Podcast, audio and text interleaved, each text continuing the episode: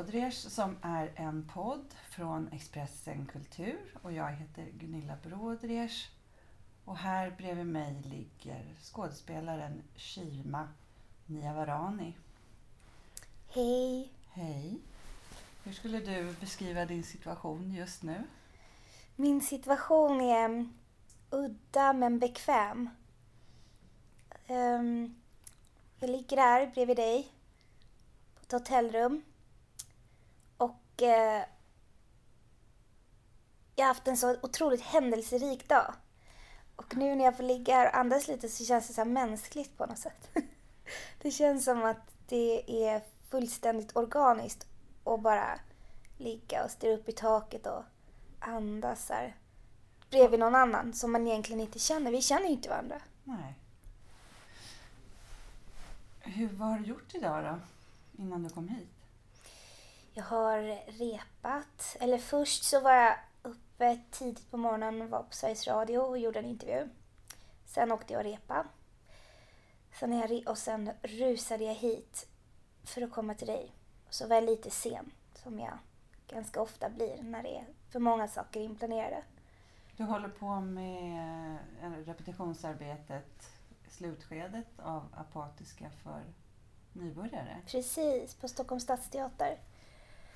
Och det har varit en väldigt händelserik dag för att ja, vi har um, haft en skådespelare som blivit sjuk och, och var tvungen att bestämma att vi ska ha en inhoppare och kanske skjuta på premiären och sådana där saker. Och det är ju, sätter ju stora anspänningar på en skådespelare, särskilt när man är inställd på att ha en premiär. Och man har ju sin egna dramaturgi inuti magen liksom, som fungerar på ett sätt. Och när den rubbas så får man ställa om. Och, och du möter mig just nu i den omställningen. Men det känns bra. Jag, jag, jag såg fram emot att, att komma hit. Mm. Och vila lite kanske? Ja, precis. Ja, funka in. Vad, vad har du för relation till hotellrum överhuvudtaget? Jag har en väldigt bra relation till hotellrum därför att de har varit min räddning. När jag, ehm, jag flyttade hemifrån ganska tidigt, liksom i tonåren. För att jag skulle ehm, för att jag var tvungen. Jag bodde lång, lite längre ut från stan och sen skulle jag repetera på Riksteatern jag skulle göra min första uppsättning och i och med det så kunde jag inte pendla två timmar per dag till jobbet längre. Och sen kände jag att jag var liksom flygfärdig och det var dags att ta sig hemifrån. Men samtidigt hade jag ingenstans att bo förutom på lite, i lite andrahandslägenheter. Mm. Mm, och sen blev jag av med mitt kontrakt men när jag skulle åka ut på turné då hade jag någonstans att bo. Det var ju alla hotellrum runt om i Sverige. Så den där turnén blev på sätt och vis din, din räddning eh, åtminstone temporärt då? Mm. Ja, en, en bosättningsräddning liksom. Ja. En, ett sätt att skapa hem och trygghet på, på de premisserna. Och då Men. blev hotellrummen som ett sätt att... Alltså jag gillar det. Jag gillar att vara på resande fot. Och du tycker inte att ensamheten blir ett eh, problem? Du gjorde ju den där, det var ju en enmansföreställning, en enkvinnsföreställning. Mm. Precis. Och sen ska man liksom upp på sitt hotellrum. Och hur, hur, hur är det? Det kan vara ensamt, extremt ensamt. Det är märkliga kontraster mellan att stå inför väldigt många människor och sen ha det bruset liksom som omgärdar ens huvud och, och sen komma till hotellrummet och inte riktigt kunna infinna sig eftersom att man vet att man ska upp tidigt imorgon igen. Så det blir bara en en plats för att gå vidare ifrån. Mm. Um, att ta avstamp ifrån. Mm. Så, då, så kan det vara. Men det kan också vara extremt um, befriande. Liksom att det inte finns några tydliga regler eller sociala förhållningssätt till det här rummet. Alltså, hemmet har ju sina regler och, och konstruktion, konstruktioner och på ett hotellrum så känns det, lite, det blir lite mer rock'n'roll. Det, det finns inte de här tydliga reglerna. Så jag älskar hotell och barer. Mm. För där kan man sitta själv. Och jag gillar egentligen att vara bland människor men kunna vara i mina egna tankar. Och då bli hotellbar är ett sånt fantastiskt bra alibi för att sitta där och smutta på en whisky typ och, och med ett anteckningsblock utan att någon tycker att man um, utmärker sig på ett obehagligt sätt. Vad hade du för drömmar som barn? Ja, jag tror att... Um, tror att... Um, ja, men jag drömde nog om, om att stå på scen. Men jag kanske... Jag tyckte det var svårt bara att veta var jag skulle gå ifall jag ville ta pianolektioner till exempel. Mm. Eller att uppfylla någonting i något behov och uttrycka mig. Så jag visste inte vad man skulle gå för att få en sånglärare. Mm. Så att jag... Um, så då var det mycket i min fantasi att jag liksom väntade väldigt länge. Och då när man väntar på att någonting ska börja så börjar man ju drömma väldigt mycket. Mm. Så då blev de här drömmarna väldigt livliga och stora och, och, jag tror att det var därför också att jag började rätt tidigt med yrket var för att jag tyckte själv att jag hade väntat så länge och att jag hade mognat den här, låtit den här idén och den här visionen få mogna så länge. Så när det väl var dags att stå på scen så kände jag själv då, och det kanske också en, en, någon, var någon slags ungdomlig eh, föreställning också men att jag kände att jag redan hade klart för mig mm. hur det skulle vara. Då var du sådär 19-årsåldern eller mm. något sånt. Och då, då känner man sig rätt oövervinnerlig kan man göra tycker jag. ja. ja. Eh, men, men, men du de här drömmarna började ju mycket, mycket tidigare. Och hur, hur, skulle du beskriva platsen där du bodde när de, de här började leva på riktigt? Du har ju kommit från, från Iran och sen eh, via eh, Örnsköldsvik, Upplands Väsby och så nu hit till Stockholm. Men, men var någonstans började de där drömmarna ta form om att du skulle stå på scen och så? Jag tror att det var när det sista avskedet i barndomen kom då jag separerades från det som jag tyckte var mitt första hem i Norrland. Så kom vi till Stockholm och här tyckte jag att allting tedde sig mer liksom brutalt. Det var jättesvårt att få kontakt med människor. Jag blev extremt inåtvänd och fastnade hemma. Och eh, jag tror att den här tristessen och det här... Eh, det är därför jag kan tycka att det är så bra att barn får, får, inte alltid behöver ha det så att man inte behöver curl, eller så, mm. ägna sig åt barncurling så himla mycket och, och liksom he, hela tiden vara inne i, i att se barn även om det är viktigt så kan jag tycka att tristess och, och, och på något sätt kunna förhålla sig till att det finns en vuxenvärld skapar en desto starkare barnvärld.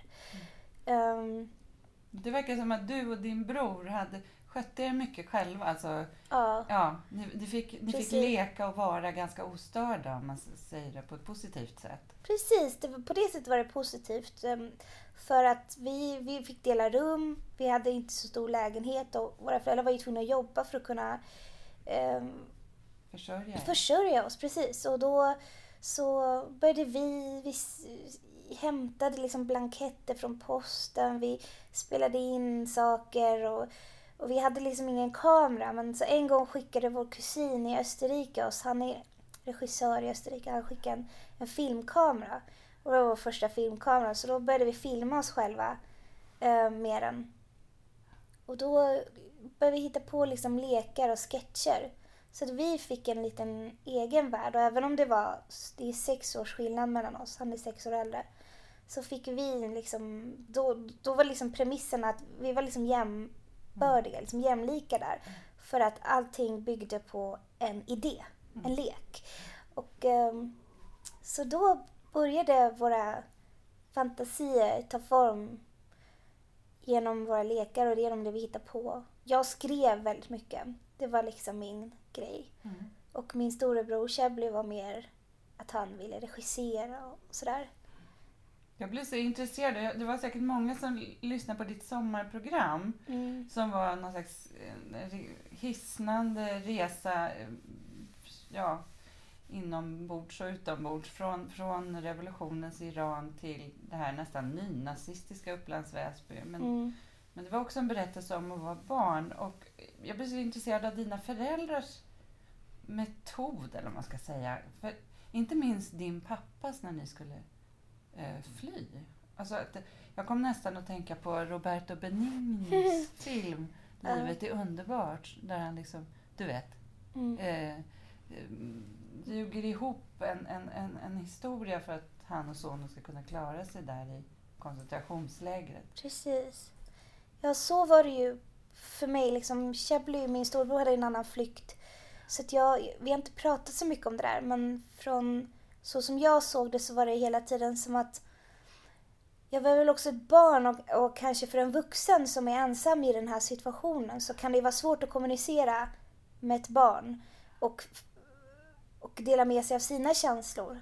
Så han liksom gav mig brödsmulor längs vägen kan man säga. Han sa att men, nu ska vi åka ett plan och så byggde han en berättelse kring det här flygplanet då från Turkiet till Schweiz. Um, och, um, och när vi skulle sätta oss i bilen första gången från Teheran och den skulle liksom ta oss till en, uh, en anhaltsplats där vi skulle rida på en kamel längs öknen. Och då- Skulle ni det på riktigt? Ja, jag red, jag red på en kamel men jag började gråta så otroligt mycket på ryggen så att jag, jag fick sitta med en man som höll mig hela den här kamelfärden. Ehm, det var speciellt. Jag, jag minns det väldigt tydligt att jag satt där och, och jag kommer ihåg det, så kanske det är pro, efterhandskonstruktioner. Mm. Men att det var så här, alltså så fort den där rörde sig, där djuret rörde sig under den så blev man liksom blev helt rädd för att jag, för man tänker inte att de här stora djuren ska liksom, att det ska finnas så mycket liv i det här köttet och så tyckte jag det var så obehagligt att jag skulle sitta på den. Men då sa de så här, nej men den, den är gjord för att vi ska sitta på den, så sitt där du. Men så skrek jag och, och så, så fick en man sitta bakom mig och så här, Ja. Men eh, sen så, efter, så kom vi till en annan plats där vi fick åka i en bil. Så det var så flera olika färdmedel. Och Men jag har så här jättemånga minnesluckor. Jag har försökt få mina föräldrar att förklara och berätta för mig men de är väldigt hemlighetsfulla just för att de tycker att det där har de lämnat bakom sig. Men du var ju så liten också, du var bara fyra år eller? Ja, men det är otroligt märkligt för att, för att jag tror att när man bestämmer sig för att minnas någonting så finns det någonstans någon plats i hjärnan som, som kan bevara det där minnet. För Ja. jag tänker att jag vet inte riktigt hur hjärnan fungerar men jag inbillar mig att minnen inte bara försvinner, de lagras ju. Och sen så har vi olika mekanismer för att förhindra att de där minnena vad ska man säga, kommer fram. Mm, Det mm. är väl också det som skapar alla våra rädslor och Mm, all, all, liksom, hela vårt beteendemönster. Så jag tror att ändå så att jag valde att minnas vissa saker. Jag gjorde också, jag läste i Åsa Linderborgs bok um, Mig äger ingen att hon på nätterna gick igenom så här att det här får jag inte glömma det här får jag inte glömma. Och där känner jag igen att jag gjorde likadant för att jag tänkte en dag ska jag berätta om det här så att jag, jag får inte glömma det här. Så att jag dokumenterade min egen historia genom via minnena. Tillbaka till dina föräldrar då, Ja. för jag är så fascinerad av det här med deras eh, fantasi. Eh, hur de förklarar olika saker för, för dig och för er. Eh, och, men jag är ju så uppfostrad med att man verkligen alltid måste tala sanning. Mm. Och jag bara är så intresserad av vad som händer då när man får de, den här typen av lite fabricerade, lite halvsanningar. Mm. Vad, ja, det har ju gått bra för er båda två. Ni jobbar ju båda med fantasifulla yrken. Men har du tänkt tillbaka hur, hur det där påverk, har påverkat dig?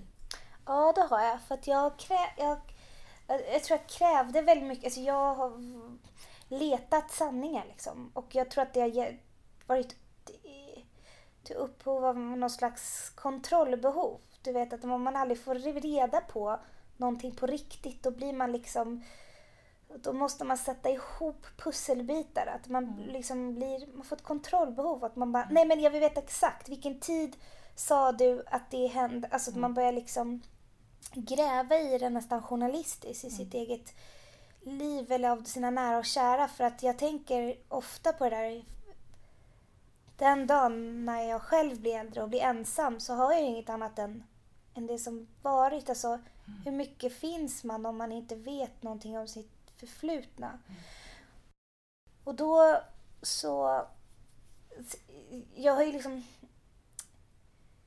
Jag tänker som mina andra vänner som har växt upp på andra sätt har fått så mycket liksom förklarat för sig. Att de, att de har blivit tagna så här, sedda rakt i ögonen. Så där som man ska göra med barn. Men jag tror att eftersom att om två människor i ett äktenskap lever ett ganska farligt liv i det avseendet att det pågår ett krig och det revolution och sådana saker så är det, har man inte alltid den där tiden kanske att ge den, den uppmärksamheten till sina barn och då kanske de slängde bara något åt sidan. Ja men det är bara för det här och det här. Mm. När man frågar saker. Och för mig som tog emot det blev det ju någonting stort. Så då jag kunde gå i veckor och tänka på någonting. Uh, och för dem var det bara en slags förklaring. Mm. mm. Som min mamma hon sa liksom, jag ville jättegärna sjunga. Liksom, jag har alltid sjungit sedan jag var liten. Och jag frågade liksom, men hur kan jag göra det? Och, och jag sa, hur gjorde liksom Mariah Carey när hon började få sjunga för folk?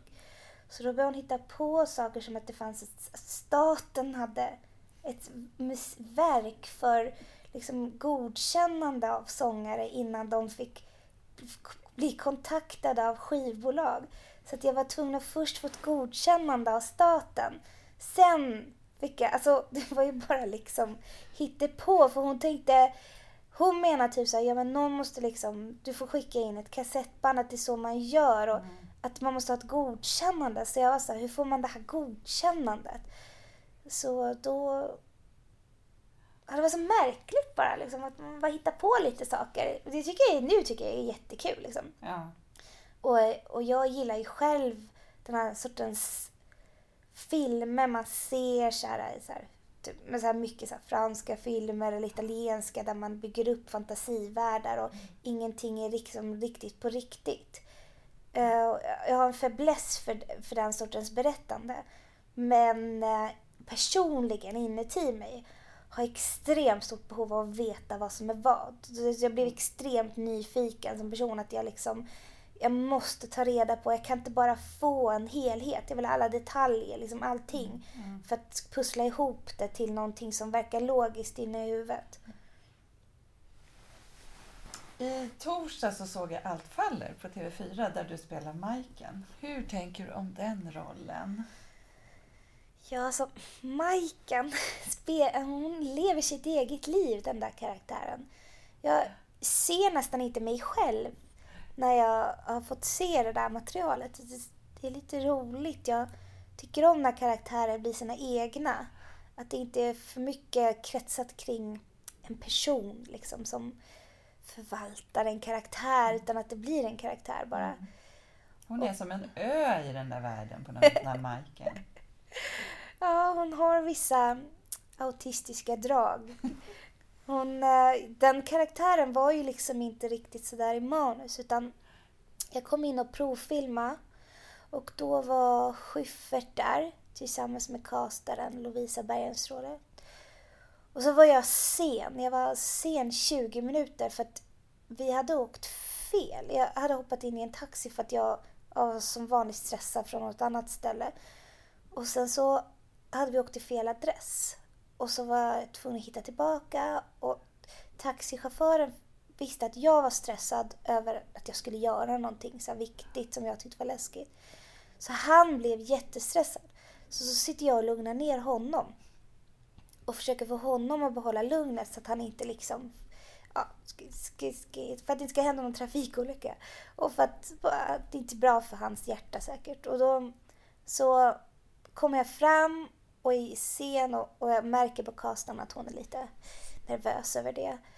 För att ja, det är ändå en provfilmning, då ska man försöka ge ett bra intryck och inte komma 20 minuter sent.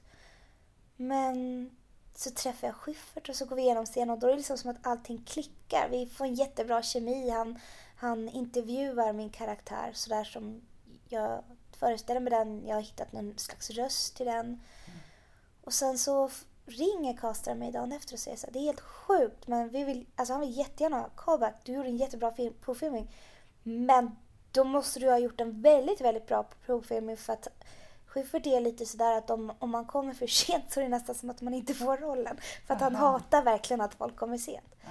Och jag var så här, ah shit okej. Så jag kom jättemycket för tidigt på callbacken. Mm. Mm. Och så fick jag träffa Johan Rheborg. Och det var liksom helt naturligt. Det var som att vi redan hade börjat filma. Mm. Och sen improviserade vi nästan alla våra scener i hela serien. För att Michaels karaktär skulle ju kunna vara vilken halvhipster assistenttjej som helst egentligen.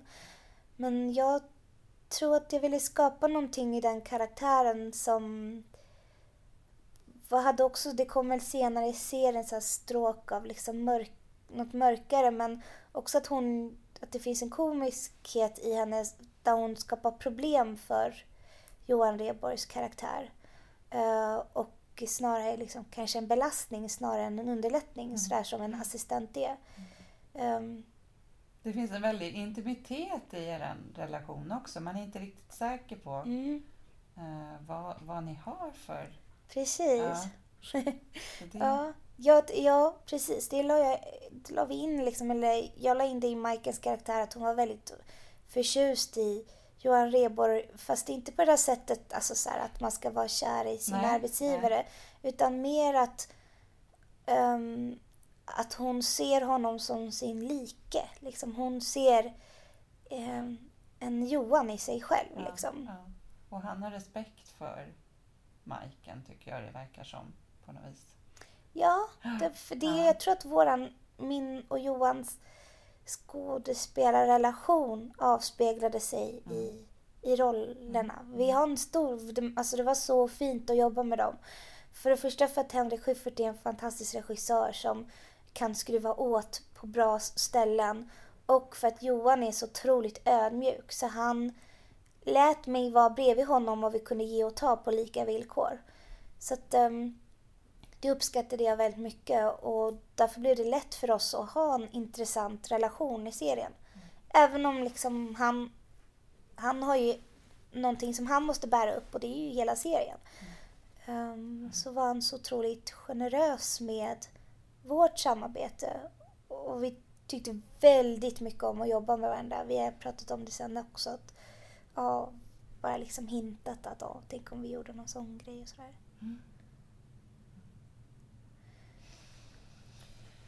Du har ju eh, filmdebuterat i eh, ja, med en annan, helt annan regissör, Simon Ja. Staho, eh, i filmen Kärlekens krigare. Hur var Ja. det? Det var en mycket annorlunda upplevelse för att det var mer som ett experiment.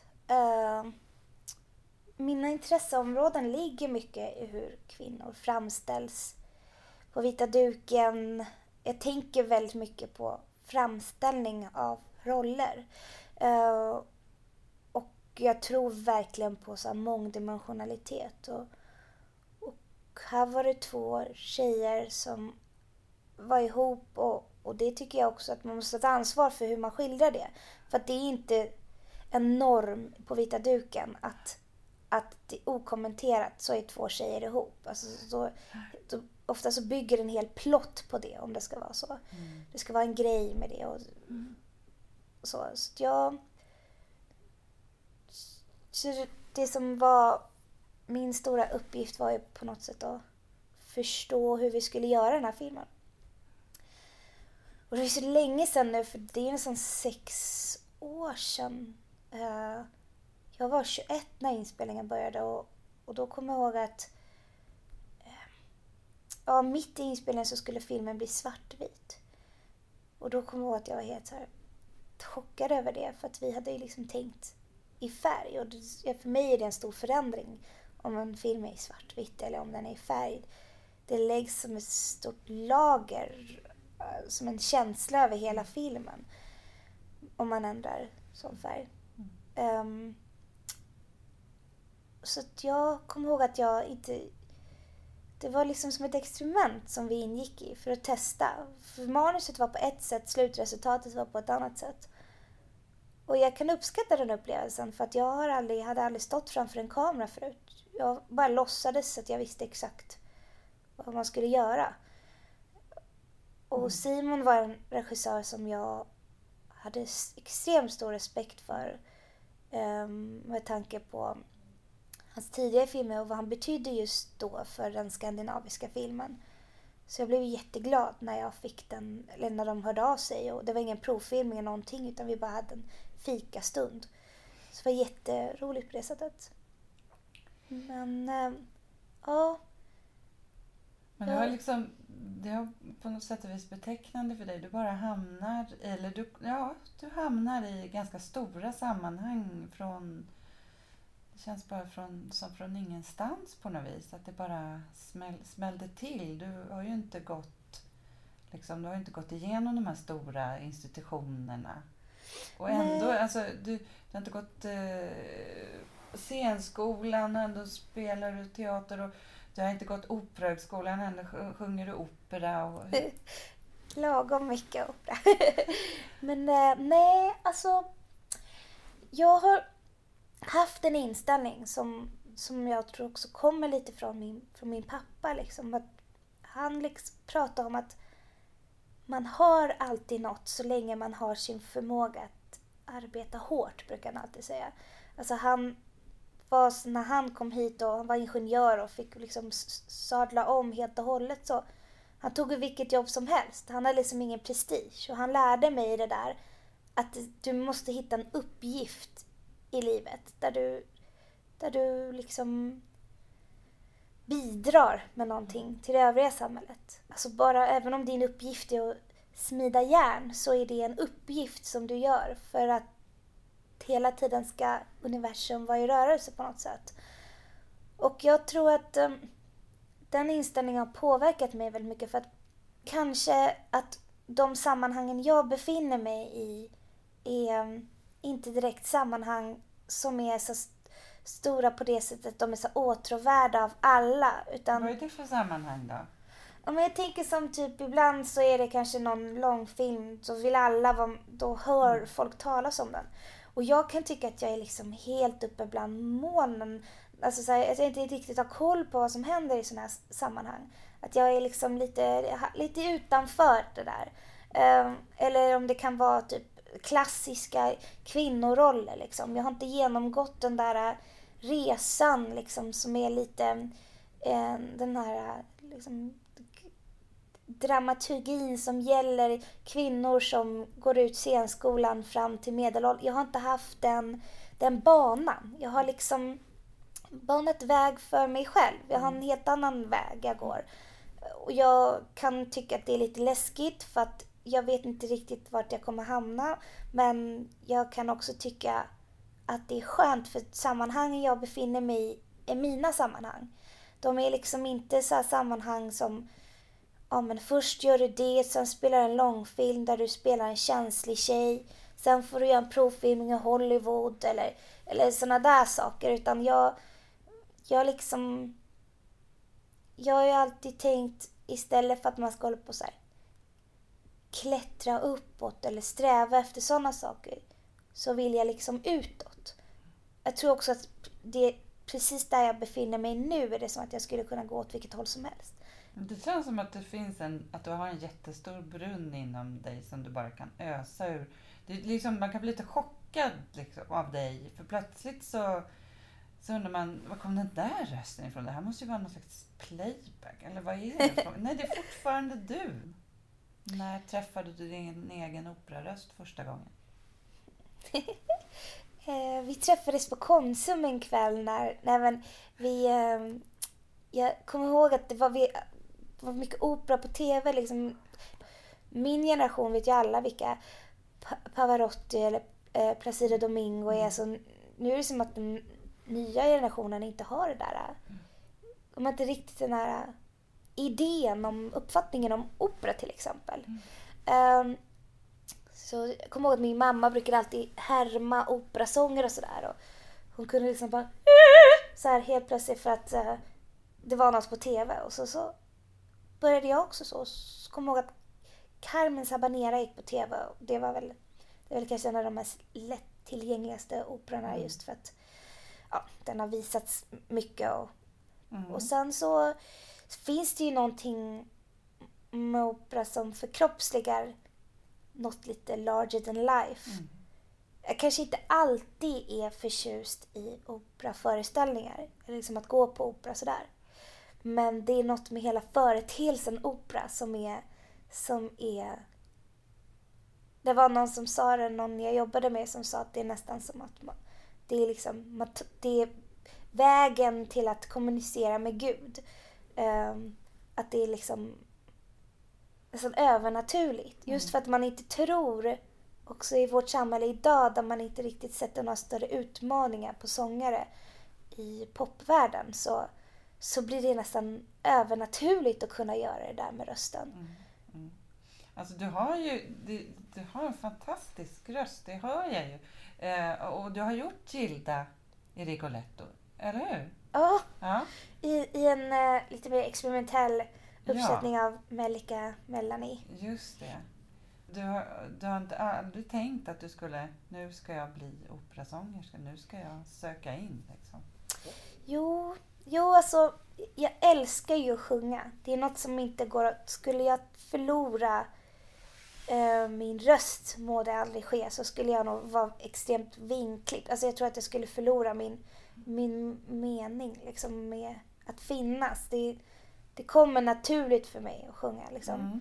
På ett sätt där jag nästan känner att jag behöver inte sträva så mycket med det, det bara finns där. Ehm, men jag, jag hade inte de förutsättningarna att, att det skulle vara som när jag var liten så skulle, så skulle, så skulle vi bara hitta en operalärare. Det fanns ju inte ens internet då. Alltså, hur skulle man hitta det? Jag visste inte hur man gick tillväga. Alltså, jag visste ingenting sånt. Och mina föräldrar hade, jag hade inga kontakter. Alltså, vi, Mm. När jag tjänade mina första pengar eh, så eh, betalade jag min första sånglektion. Vad tjänade du de pengarna? Det var faktiskt från min första uppsättning. Så Ja, jag, det Det var ditt första jobb alltså? ja, det När gjorde, du, på, Riksteatern? ja, det gjorde jag efter gymnasiet. Så då, Ja, en Det autodidakt. I enmansakt, Ja. precis. Ja. alltså jag sökte asmånga jobb. Jag fick inte jobb i klädbutiker, jag fick inte jobb på typ McDonalds, allt möjligt. Jag sökte jobb överallt. Och samtidigt skrev jag pjäser för mig själv på nätterna medan jag bodde hemma hos mina föräldrar och eh, ja, var en total loser och hade inte råd med någonting och ville plugga vidare och var liksom ja, men det är kört. Jag, får, jag måste skriva mig ur det här på något sätt. Och jag uppehöll mig själv med att skriva pjäs, pjäser och idéer. Liksom. Så då blev det mitt första jobb kan man säga. Varför fick du inte de där jobben? Jag vet inte. Jag- Fan vad jag sökte alltså jobb. Alltså det var som att varje så här, liksom icke-svar eller nej tyvärr var liksom som ett, alltså det var bara så här. Det var som att någon bara slog en med en käpp. Så man bara att fick sämre och sämre hållning. Mm. Jag vet faktiskt inte varför. Jag vill inte, jag vill knappt spekulera i Mm. vad det kan röra sig om men jag tänker att ehm, det är svårt för unga människor att få jobb helt enkelt. Du köpte i alla fall en sånglektion för då din första lön. Precis. Då köpte jag en sånglektion och det var hos en operalärare. Och då var det som att, ja, vet, jag bara... Jag fick liksom Vad sa den? vingar. Eller hon, han? Han sa, han var liksom som att han bara, du har ju rösten, du har ju redan en operaröst. Så jag behövde liksom inte jobba fram en röst sådär som man gör att man går från lite mer Mm. klassiskt och lite så här lära sig sjunga i masken och sen så liksom ehm, vad ska man säga man brukar prata om att det är nästan som en gäspning och att man, man öppnar där bak och sådär för att de här ljuden, kraftfulla ljuden ska komma ut. Utan det var som att det där kom, kom sig lite naturligt på något sätt. Men jag hade ju självklart jättemycket, jag hade ingen teknik, jag hade ju bara lärt mig från att jag hade väldigt starkt stöd för att jag hade verkligen övat på att sjunga starkt och högt och tydligt men ingen så här, Jag fick jobba jättemycket med pitchen och sådana där saker som är mer musikteoretiskt. Liksom så här. Finliret liksom. Ja, Ja. precis. Jag var väldigt oslipad helt enkelt. Vad skulle du inte vilja göra? Oj! ja, men jag skulle inte vilja behöva göra så här, äh, saker som inte känns rätt i magen. Du vet när man vet att det är fel. Liksom. Och nu pratar jag om det jag älskar allra mest. Jag, är verkligen, jag tycker ju själv, upplever själv att jag har fått kämpa väldigt mycket för att göra det jag älskar. Alltså i det långa loppet har jag fått göra det. Och då känner jag att jag vill inte förstöra det liksom för mycket. För det är ädelt för mig. Så då gör jag hellre något annat. Men jag vill inte behöva göra saker bara för att göra dem. Eller fast det går emot mina principer. Men vad skulle det kunna vara då? Vad skulle... Ja, men det skulle vara någon så här... Ja, men någon typ teaterföreställning. Man bara, nej det här är så jävla fel. Du vet, så här. Ja, jag skulle inte vilja spela något vet, som går emot mina principer. Eller liksom mina ideal. Alltså, vet, kanske politiska ideal. Eller vet, när man bara, men du ska spela en prostituerad och hon är så här jätteglad och lycklig för att hon får pengar. Alltså du vet, eller det är något så här riktigt skumt. Man bara va? Alltså jag kan inte stå bakom där. Eller du vet, så några skumma saker. De bara, ja men det här är en roll som... Vet såna här roller som bara går emot ens principer. När man verkligen, någon har lagt sitt eget öga på den här berättelsen.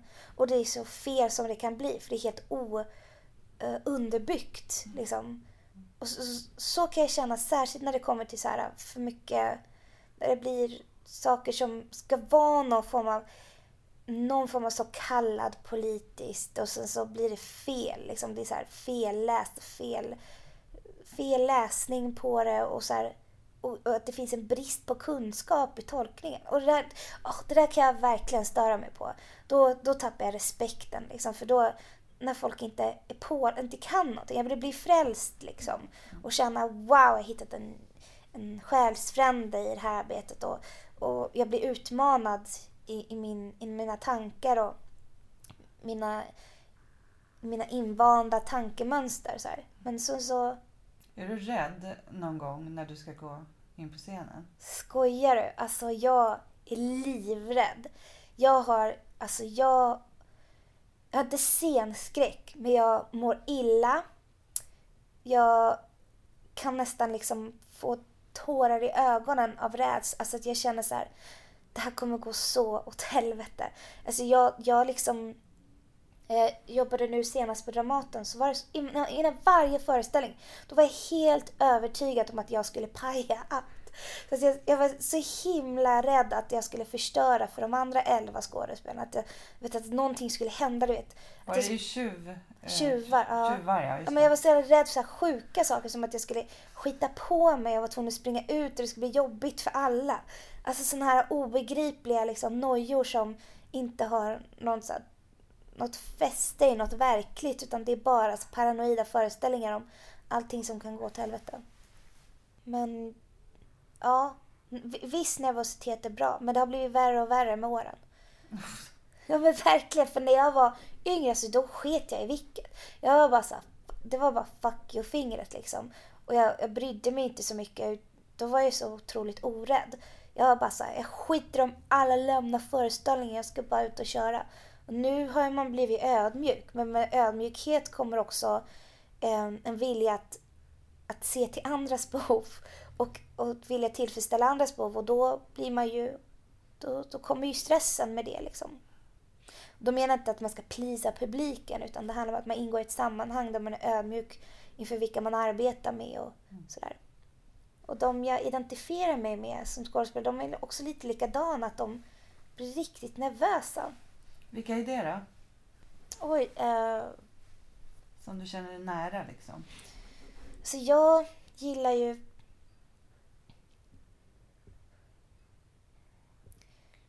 så, här, så jag kan tycka om så här, helt otippade personer som man aldrig skulle koppla mig samman med. typ så här, Johan Rabaeus tycker jag väldigt mycket om. Och så här, du vet sådana här helt, lite så här galna. Men en... Ja men alltså så här, duktiga så, människor som, som i sig själva har saker som står på spel. Liksom. Att det är mycket som... De investerar sig själva i det de gör? Eller? Ja. ja. Att investera mycket. Liksom. Att det inte är blasé helt enkelt. För att scenen är en, en plats där det ska vibrera av liv. Och, och det kan inte bara vara så att man går för att se människor se något halvdant. Alltså man vill att det ska kännas liksom in i magen. Och, och, och alltså emotion kommer ju liksom så här. Det är från rörelse. Och då tänker man att det måste vara någonting som får folk att, du vet, att man reagerar fysiskt för att man ska känna någonting. Jag kan inte förklara det men det måste vara så här vibrant. Alltså det ska vara någonting så här. Där kan jag tycka just med opera att det är så pass fysiskt, fysiska ansträngningar att skapa det där. Att man, att man känner med personerna på scen när det är som bäst. Att man liksom genom hur operaljudet i en människa blir till så känner man mycket för att man får en identifikation för, för den personens arbete med sig själv. Tyckte du kunde förklara det alldeles utmärkt. Jag tänker att vi stannar där. Ja, Gud, vad mysigt det var. Det var det verkligen. Tack eh, Shima Niavarani för att du var med i min podd. Tack snälla för att jag fick vara med. Vilken ära. Du kan bara liksom blunda lite nu medan jag avar. Ja. ska säga att det här var en podd från Expressens kulturredaktion. Och den kan man höra på expressen.se kultur eller hämta i iTunes Store. Och där kan ni också lyssna på mina program med Sara Riedel, Benas Aram, Margareta Hallin, Amina Al-Fakir, Anna Eklund Tarantino och Ika Nord. Alla de har legat här. Men den här gången var det alltså Shima Niavarani. Hej då!